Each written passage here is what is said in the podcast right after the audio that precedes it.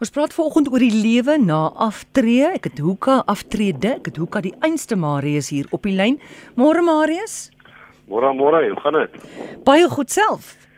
Nee, skitterend hier in George. Dit bly nie op reën nie. Dis mooi. Dis lekker koel. Cool. Alles wat ons wil hê. Ek hoor jou. Weet jy daar by jou vandag? Ek het uh, Dr. Kobus Sieberhagen saam met my. Ehm um, hy is 'n persoon wat so 12 jaar terug het hy uitgetree uit die koöperatiewe wêreld uit. Hy's ook 'n kliniese sielkundige. En hy gaan bietjie praat vandag oor sy ervaring as 'n kliënt. Ehm um, en daai kant hoe ervaar hy die aftrede, hoe hoe, sy beleggings aan gevaar ensovoorts. Ook op die, op die emosionele kant hoe hy dit al ervaar want ek dink dis baie keer mense ehm uh, doen dit mos hulle sommetjies en sien dat genoeg lyk daar genoeg uh, finansies is maar hulle weet nie of hulle hierdie ding emosioneel kan hanteer nie. Goed. En Kobus verstaan ek is nou hier op die lyn. Hallo Kobus. Hallo Marie, goed met jou? Baie goed, dankie. Heerlik om vandag met jou te kan gesels. Sê my, okay, jy's nou 12 jaar al in jou aftrede en as jy nou so terugkyk, het jy darm genoeg voorsiening gemaak vir die tyd? Ja, kyk ek ehm uh, ek dink 'n uh, vraag oor voorsiening is 'n uh, is 'n vraag wat seker van elke persoon tot persoon sal verskil ook rondom wat nou eintlik genoeg is. Ehm um, en en ek ek ek wil net sê aanvanklik wanneer ek 'n bietjie van my gedagtes deel, as ek deeglik bewus van die feit dat elke persoon sy eie storie het en dat elkeen se prentjie verskil. En dat waar, wat waar vir my is nie noodwendig gaan waar wees mm. vir 'n ander persoon nie. En ek dink dis 'n belangrike ding wat ou in ag moet neem. So wat betref voorsiening ehm um, is die eerste vraag wat jy eintlik vir jouself moet vra, wat is genoeg?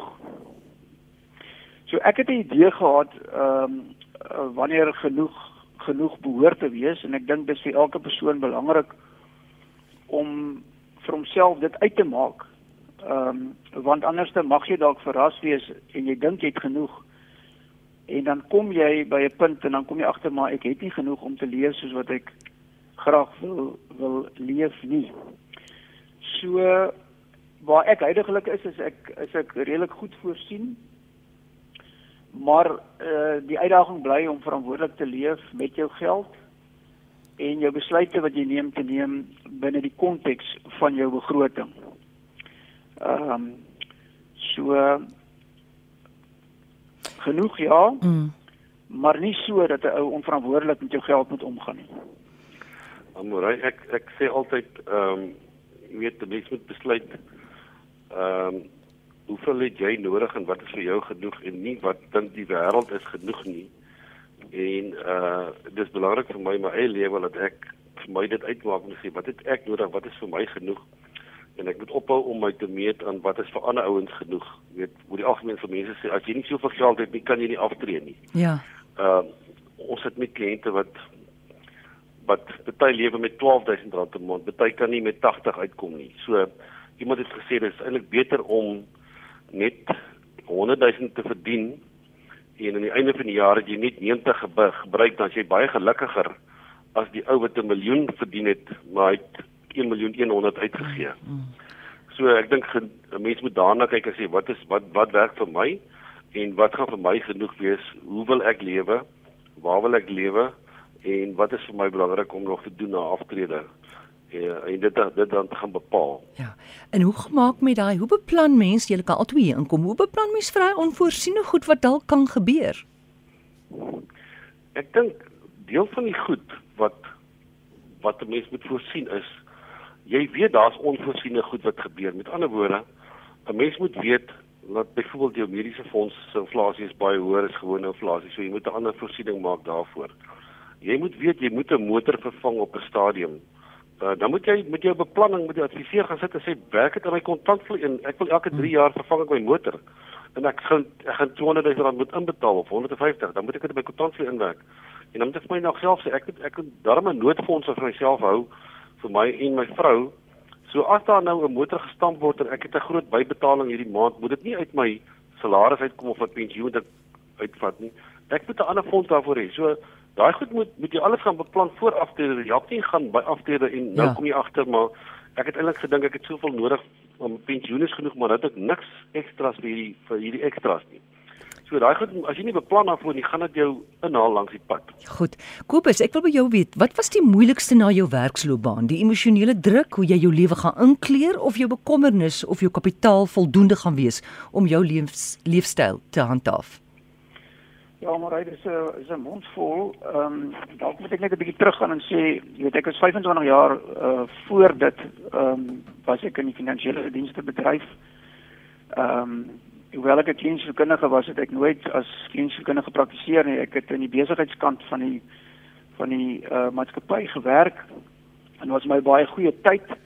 Ehm um, saamgewerk met ongelooflike mentors soos Laurie Dippenaar en Julie Meyer. Ehm um, en en ek is baie dankbaar vir die ervaring wat ek daar opgebou uh, opge, opgedoen het. Maar ek het altyd die idee gehad dat ek rondom 50 uit die koöperatiewe wêreld sou tree. Ek dink dit is nogal belangrik om daai self-awareness te hê in terme van jouself, om jou eie prentjie en jou eie storie te skryf. Jy weet ons sou bereid om ander mense um, geneig om ander mense se stories te skryf in plaas van ons eie storie. So ek is meer van 'n entrepreneur, ek hou van 'n kleiner maatskappy omgewing. En in daardie konteks het ek besluit ek wil uit 50 uit die koöperatiewe lewe uittreë en daarom het ek dit beplan. En ek wil op daai stadium was Marius uh, my adviseur gewees toe ek so op 40, 35 jaar se ouderdom het ek besluit dit is wat ek wil doen. En Marius het die pad saam met my geloop om sê raai maar wat moet jy doen en hoe moet jy belê? So uit 'n finansiële oogpunt was daar 'n redelike goeie beplanning gedoen. Ek bedoel ek ek kan maar nou sê weet ek daar was 'n bietjie druk vir my vrou soms omdat ons oor see moet gaan want ons spelle gaan oor see en ek het altyd gesê ek gaan nie oor see as ek moet skuld maak om oor see te gaan nie. Kom ons wag net 'n bietjie. Nou ja, ou kan doodgaan en dan sal hy geleentheid dalk verby. Maar maar dit het dit het dit het 'n klomp druk van nou afgehaal in terme van jou beplanning finansiëel toe ek by 50 kom om dan um, om dan uh, um, om dan die besluit te neem om uit die sekuriteitswêreld uit te gaan. Die groot uitdaging wat ek gehad het was die ek is op die 30 September 2008 het ek uit die koöperatiewe wêreld getree en die 1 Oktober 2008 toe die hele wêreldmarkte al die wêreldmarkte in duie gestort met die eiendomskrisis wat daar was. Ek spot altyd en sê die dag toe ek uit die koöperatiewe wêreld uitgetree het, het die hele wêreld in duie gestort, maar dit is 'n grapie. maar jy kan nou dink Amorai ja. as jy as jy 'n beplanning doen en en jy besluit genoeg is genoeg, hier het ek dit. Mm. En die volgende oomblik is die helfte van dit wat jy gehad het nie meer daar nie in waarde. En dit is 'n groot moment vir my om te besluit gaan ek nou uittreë of gaan ek teruggaan want die maklikste besluit wat, wat was om terug te gaan. En na die veilige opsie weer terug te gaan en sê manne ek het dit nie voorsien nie, kan ek maar aangaan met my werk. Ja. Dit is 'n opsie. So ek dink die die makro-omgewing se impak op daardie stadium was amper vir my die grootste uitdaging. Maar ek het ek het die besluit om uit die koöperatiewe lewe te tree nie geneem as 'n default besluit nie. Dit is geskep. Ek het ek het dit beplan. Ek wou dit doen. En dit is nie net oor die geld te gaan nie. So die besluit was toe om uit te tree en nou was die finansiële uitdaging daar. So ehm um, ek kon nie aangaan met my lewe asof niks verander het nie, want ek het tyd nodig gehad om my beleggings wat baie minder werd was, tyd te gee om weer terug te groei. Ek het altyd die analogie gebruik soos jy weet as jy skape het en as droogte raak die skapies baie maar, maar die skapies dan gelukkig nog nie dood dood nie. Jy weet as die droogte te lank inhou, dan ja. kan nie kan nie skapies doodgaan, maar jy het nog die skape, jy moet nou net tyd hê om hulle weer 'n bietjie kos te gee sodat jy weer in 'n posisie kan kom om met jou oorspronklike beplanning weer terug te gaan sien. So ek ek het twee besluite geneem. Ek wil dit doen. Hmm. Ek moet my lewenstyl verander. Ek kan nie geleef het asof ek dieselfde uh, geld by my het nie. Ek moes uh, ek moes tyd, ek moes my inkomste aanpas. Lewenstyl verander. Ek het in daai proses getrek uit Pretoria uit George toe. En ek het ook besef ek sal nie net op my beleggings kan staat maak nie. Ek moet met my talente bietjie woeker en ehm um, ek het uh, ek het 'n bepaalde idee gehad van hoeveel geld ek my inkomste mee moet aanvul. En ehm um, ek het ek het besluit dis wat ek wil doen.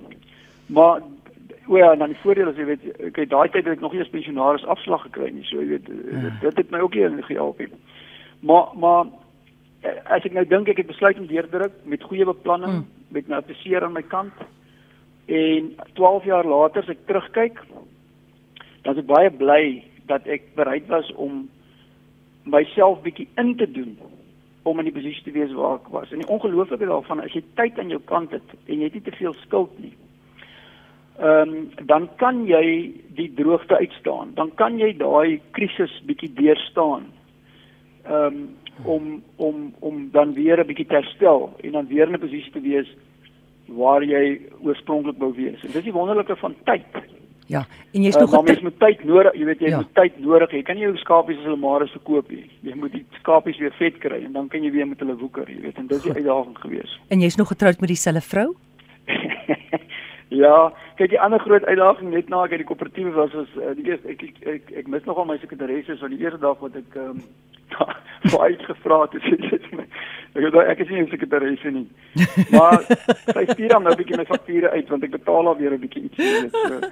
goed Kobus ek wil net iets byvoeg aan wat sê jy maar is dat ja. iets byvoeg daar dink wat belangrik is hierso is hierdie boodskap van Kobus en sê hy het iets gaan soek mm. wat in sy lyn is om nog te doen Mm, mm. Met ander woorde, moenie afgaan as 'n bestuurder by 'n groot maatskappy of by die staatsdepartement en nou dink jy dalk nie genoeg geld nie, maar nou begin jy 'n nuwe ding wat jy nog nooit in die lewe voorheen gedoen het. Iemand praat jou daarin en jy druk jou gelde in. Jou kans om geld te maak is eintlik in jou eie beroep en dit en, en met die met die vaardighede wat jy het.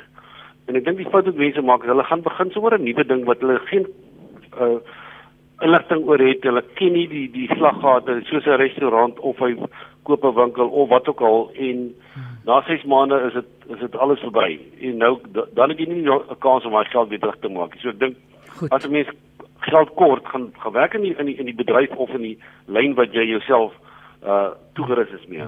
Kobus, wat is die grootste fout wat jy as belegger in jou lewe gemaak het? Jongens, maak maar baie foute. Ehm um, maar solank jy net leer uit jou foute dan ehm um, dan gaan dit ook al weer beter. So ehm um, ek dink as ek dit kan saamvat dan is dit die besigheidsbesluite wat ek geneem het sonder dat daar goeie waaroms was. Die Japaneese sê jy moet 5 goeie waaroms hê voor jy 'n ding doen. En geld is nie een daarvan nie. En uh, Raymond Eckerman het dit so mooi gestel, hy sê ehm um, uh, money can never be a why to reward. Hmm. En jy weet baie keer as jy 'n ding doen en en en die rede hoekom jy dit doen is om geld te maak, dan ehm um, maak jy juis nie geld nie. Ek het met baie ouens in my lewe gewerk wat wat ehm um, wat regtig se enigste why was om geld te maak. En ehm uh, en hulle het dit nie gedoen nie. So en hulle het nie die geld gemaak nie. So ehm um, die plekke waar ek besigheidsbesluite geneem het wat vir my 'n bietjie geld gekos het, was waar daar baie emosie en sentiment betrokke was. Goed. Ehm um, en en en en die uitkomste was nie baie goed nie, maar ons het baie daai geleer. Ek neem nie nou sommer sulke besluite sonder goeie waaroms nie en daar speel ehm um, Marius wat toe my adviseur was, Ben Vermeulen wat jy ook ken is is nou my adviseur. Ben is tegnies baie sterk, so wanneer ek besigheidsbesluite nou neem, sal ek dit nie sonder Ben somme neem nie. Hy help my byvoorbeeld om uh die besigheidsproposisie te evalueer. Hy gee my sy insette, hy's 'n relatiewe konservatiewe ou.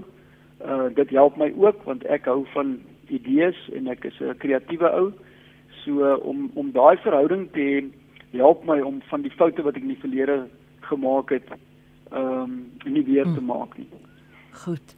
Ehm um, so Marius, watte watte wanneer daar 'n krisis kom, wat doen julle as adviseurs portefeuljebestuurders, kan jy 'n paar basiese riglyne daar gee hoe jy verkopers dalk al gehelp het in die verlede of hoe jy enige iemand kan help?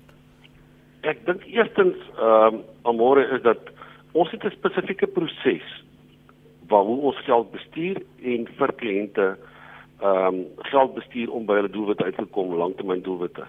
En ons probeer seker maak eerstens dat die dat die kliënt die proses verstaan want die proses is die ding wat jou gaan beskerm in die krisistye. Met ander woorde, ons het laas jaar toe die mark geval het, het ons 'n video uitgestuur op YouTube en vir mense gesê, "Weet jy, ons gaan nou niks doen nie. Die mark is nou 30% af. Ons gaan nie nou jou aandele verkoop en nou na 'n veilige hawe toe gaan en geldmark sal sit en wag tot hierdie ding oor is nie." Hmm. Want dan moet ons die, die verliese realiseer. So ons het net ons proses gekommunikeer met kliënte en ons het hulle gesê die proses beskerm jou want in ons proses is ingebou dat hierdie goed gaan gebeur. Ons weet nie wanneer nie, maar ons het 'n spesifieke model, 'n spesifieke proses wat jy oor die lang termyn gaan beskerm en ek dink as ons nou terugkyk, hierdie proses mense beskerm, dit het hulle gehelp. En ek dink dit kommunikasie is ongelooflik belangrik as daar krisisse is, want mense wil weet wat doen jy? Is hulle is hulle geld veilig? Is, is daar 'n plan om om om om hom te beskerm? Ehm um, en dan moet mense weet as jy as as hulle die proses verstaan, hulle vertroue daarin, dan kan mense rustig wees in 'n in 'n krisis. Anders raak mense opgewonde. Goed. En paniekerig. Mm. Ehm uh, omrei kan ek net daarbey aansluit. Ek ehm um, ek weet ek is nou lank pad wat ek met hierdie uh, my adviseurs aankom en ons is deur verskeie krisisse. Jy weet as jy as jy nou dink ehm um, daar was Stein of daar was die eiendomsmark, daar was die die um, die die die tegnologie bubble. Mm. Daar was die same debakel. Daar was president Nenny, ag minister Nenny wat afgedank is. Mm. Maar is alles momente waar as jy 'n goeie adviseur het, dit so krities belangrik is om met die adviseur in gesprek te tree. Jy hoef nie met hom saam sit saam te stem nie, maar wat hy jou baie goed mee help is om objektief na die uitdaging te kyk, om verskillende perspektiewe te kry en om nie 'n emosionele besluit te neem nie. Want ek dink dis die grootste fout wat jy kan maak in 'n krisis is om op 'n om, 'n emosionele besluit te neem en en te besluit ek moet nou uitklim, ek moet nou weghardloop. En en as jy eers weghardloop, dan haal jy dit nooit weer in nie. En ek moet sê dit was die groot eh, eh, eh, wat vir my baie gehelp het in daardie tye of 'n telefoon oproep of 'n skrywe wat 'n ou net perspektief gee. Ehm um, en wat ek wat wat ek ook baie waardeer het van van hierdie uh, van my verhouding met hierdie adviseurs is dat hulle bereid is om ander kundiges se insette te kry en dit te deel en sodoende vir jou te help om 'n uh, bietjie meer objektief te wees en met die emosie wat gepaard gaan met krisisse um, om dit meer effektief te hanteer. Goed, Kobus, wat dink jy is die grootste struikelblok wat pensionaars moet oorkom voor en na aftrede in Suid-Afrika? Kyk, dis 'n jy moet eintlik daai vraag vir elke pensionaris vra.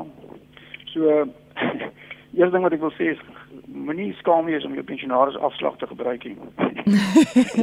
ek lag altyd so. Ek is 'n golfer en uh, jy jy het keuses wat, van watter bowwe jy afspeel. Jy weet jy kan van die wit bof afspeel of jy kan van die blou bof ja. afspeel. Uh. Nou toe ek 60 word, het ek van die blou bof afspeel, maar dit het my dit het net soveel maklik gewees. maar dan speel ek saam met 'n uh, um, oomies wat 'n bietjie ouer as ek is. Maar en hulle kry nie balverf slaan nie, maar hulle sal nie van die blou nie. en ek weet daar's van my pensionaars vriende wat ook nie hulle pensionaars afslag wil gebruik nie, so gebruik het, maar dit is sommer net so 'n kantlyn opmerkingie.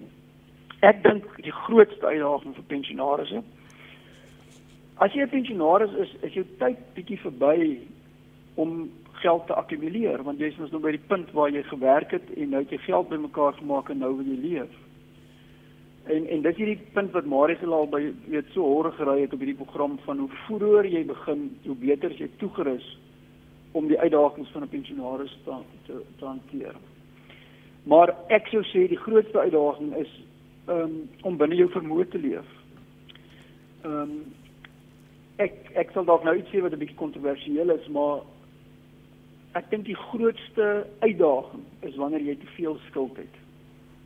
Om om om om dan jou lewenstyl byvoorbeeld aan te pas as jy binne jou vermoë moet leef want jy het hierdie klomp skuld wat jy moet betaal. Ehm um, jy kan besluit om met meer te leef as wat jou belegging vir jou kan gee uit 'n inkomste oogpunt, maar dan moet jy aanvaar dat jou belegging oor tyd gaan opraak. En wat dan? Ehm um, so my twee goed sal wees sal wees pas jou lewenstyl aan as dit nodig is en en spring uit en vul jou inkomste aan. Hmm. Daar's baie geleenthede daar buite. Jy weet ek um, ons is so in 'n negatiewe spiraal met COVID en al hierdie goed. En ek werk met maatskappye, jonger ouens wat geleenthede sien in hierdie tyd wat eintlik ongelooflik is. En ek sien ek werk met ouer mense wat op 'n baie ouer stadium van 'n lewe 'n eh, nuwe geleenthede skep en hulle inkomste aanvul. Ehm um, ek dink daar's baie meer geleenthede as wat 'n ou dink al is jy 60 plus. En een ding wat mense nie kan doen nie. Hulle kan nie ervaring koop nie. Dit is 'n baie belangrike ding ja. wat ons as pensionaars nooit moet vergeet. Jy weet daar's goeie voorbeelde vir my. Ek vat nou 'n uh, 'n uh, persoon soos Rian Kruiwagen. Ja, Rian was in die uitsaaidiens sy sy lewe lank en hy is nog steeds aktief. Ek weet nie hoe oud hy is nie, maar hy's 'n redelike pensionaris, hy's 'n programleier. Ek vat 'n ou so so Max de Preek is um, hy's ek hou van sy nuus en sy sienings. Ehm um, ek weet daar's baie mense wat nie van hom hou nie, maar hy skop my kop soms 'n bietjie oop, maar ek wil hy's ook al 'n ouer persoon en hy gaan aan met te doen wat hy doen. Hy het nie opgehou nie. Mm. En as jy bereid is om dit te doen en te soek, dan gaan jy geleenthede kry en op so 'n manier kan jy jou inkomste aanvul en op so 'n manier kan jy ehm um, net soveel makliker leef. Ek dink daar's twee ander goed. Die een is jy weet ons moet perspektief probeer bly behou in 'n baie de mekaar wêreld ja, die jy weet jy word so gebombardeer met al die politieke negativiteit, die finansiële negativiteit. En die vraag is, hoe hou jy objektiviteit in hierdie proses? Jy weet, hoe hou jy perspektief? En ek dink ons grootste uitdaging hoe ouer ons raak is om met 'n oop gemoed te leef. Hm. En nie te dualisties te leef, swart en wit nie. En dit is moeilik hoe ouer jy raak want jy's baie meer oortuig van jou waarheid as jy dit is wanneer jy dalk jonger is. Die laaste ding is dink ek is om saam met jou kinders opgewonde te wees oor hulle geleenthede al is dit oor see. En ek wil baie van my vriende se kinders is oor see, my eie kinders is oor see, hulle het gelukkig weer teruggekom. Maar die wêreld is oop. Hmm. En uh en jy weet ons kan of uh, of ons kinders ondersteun of ons kan dit as 'n baie negatiewe ding ervaar. En uh ek ek dink ek dink ja. as ons as ons bietjie net met 'n oop gemoed na baie van die dinge uh, rondom ons kyk, gaan ons meer geleenthede sien noodwendig as probleme. Probleme sal altyd daar wees. Krisisse sal altyd daar wees. Ja. Al wat ons kan beheer is hoe ons daarop reageer. Goed Kobus, 'n ander ons mekaar daarmee help. Ja, 'n ander uitdaging ook, ek dink met aftrede is om betekenis in jou lewe te kry en dit is dit het vir my 'n direkte verband met die geld wat ons spandeer. Want ek het al gesien in my lewe, as ek voel ek het nie 'n doel nie of daar's nie sin in my lewe nie, dan spandeer ek net soveel meer. Ja. Maar sodra ek voel daar's ek het betekenis in my lewe en sin in my lewe, dan is dit asof ek hier binnekant al bietjie versadig is. Ek hoef nie so baie te spandeer nie. Hoe sien jy as kliniese sielkundige dit? Jy kyk dis baie waar die die die die probleem met um, met uh, met geld en goed wat jy koop, jy weet as jy vir jou kar koop is lekker as jy die eerste keer ontklim en hy ry lekker maar na 'n week ry hy ook nie lekker nie, jy weet. En dan dan moet jy gewoonlik deel met die skuld wat daarmee gepaard gegaan het. Of as jy oor see gaan is lekker, maar as jy terugkom, dis tydelike verligting kan ons maar sê wat baie van hierdie goed jou bied. Die die die purpose goed, is die goed wat vir jou betekenis het. Ehm um, en en en en baie van hierdie goed kan jy betrokke raak sonder dat dit noodwendig geld goed is. Jy weet, maar net deur betrokke te wees in jou gemeenskap ja. gee vir baie mense baie betekenis. Jy weet by my my skoolmense is in 'n aftreeoor. Net deur belang te stel in jou mense rondom jou gee vir baie van daai mense betekenis. So ek dink nie mense moet betekenis net soek in in in materiële dinge nie. Ek dink dit maak dit makliker om te leef. Maar ek ken baie ouens met baie geld wat veel ongelukkig is. Ja. Kobus, ek dink ek dink daar is dit nogal belangrik om 'n baie sterk siening te hê oor jou purpose in jou lewe, jou waarom. Mm. En hoe duideliker jou waarom gedefinieer is, hoe makliker raak jy lewe.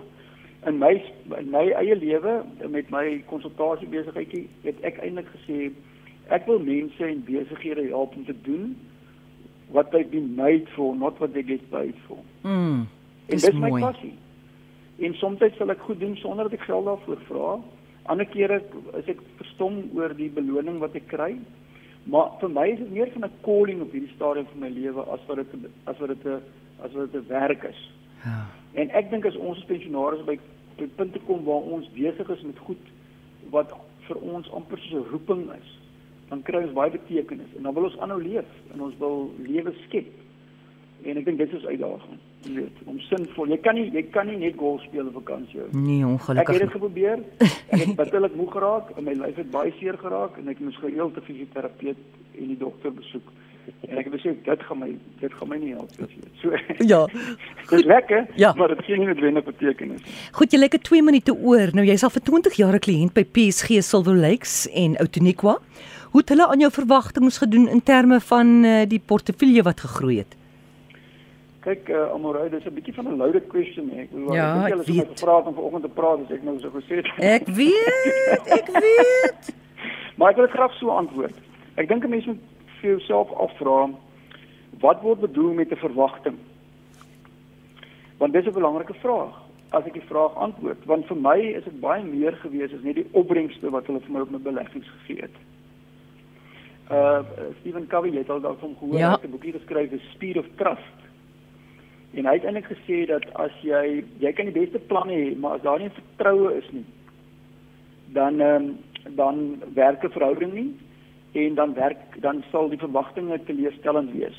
Hm. Jy maak sorteer die vertroue uit. Nou vertroue speel uit op verskillende vlakke, die karakter van die persoon, sy competence, ehm met ander woorde, is hy goed gekwalifiseer, ehm um, weet identifiseer jou behoeftes goed, ehm um, um, laat hy realiseer die behoeftes oor tyd. Dis alles doen competence en dan connectivity. Dis amper hoe goed kom ek met die ou oor die weg. Nou as jy in die konteks van 'n vertrouensverhouding my vra, dan sal ek sê hulle het aan my verwagting voldoen. Gebaseer op hulle menswees en re realisering van ons planne ten spyte van terugslag op die pad. Ek het geen twyfel dat ehm um, dat 'n goeie adviseur met wie jy vertrouensverhouding het, met ander woorde wat wat nie net 'n goeie mens is nie, maar ook uh, bekwaam is vir jou goud werk kan wees. Hmm. Om te help om die reg ding te doen vir die regte rede op die regte tyd. Goed so gesels dokter Kobus Sieberhagen. Ons het gepraat oor aftrede, daai lewe na aftrede, planne wat jy voor die tyd kan maak. Marius Kreer van PSG Wealth. Marius, waar kan mense jou in die hande kry? Man, hulle kan vir my uh, e-pos stuur. Uh, e-posadres is marius.kreer by psg.co.za. Hulle kan ook skakel op ons nasionale nommer 0861 348 190.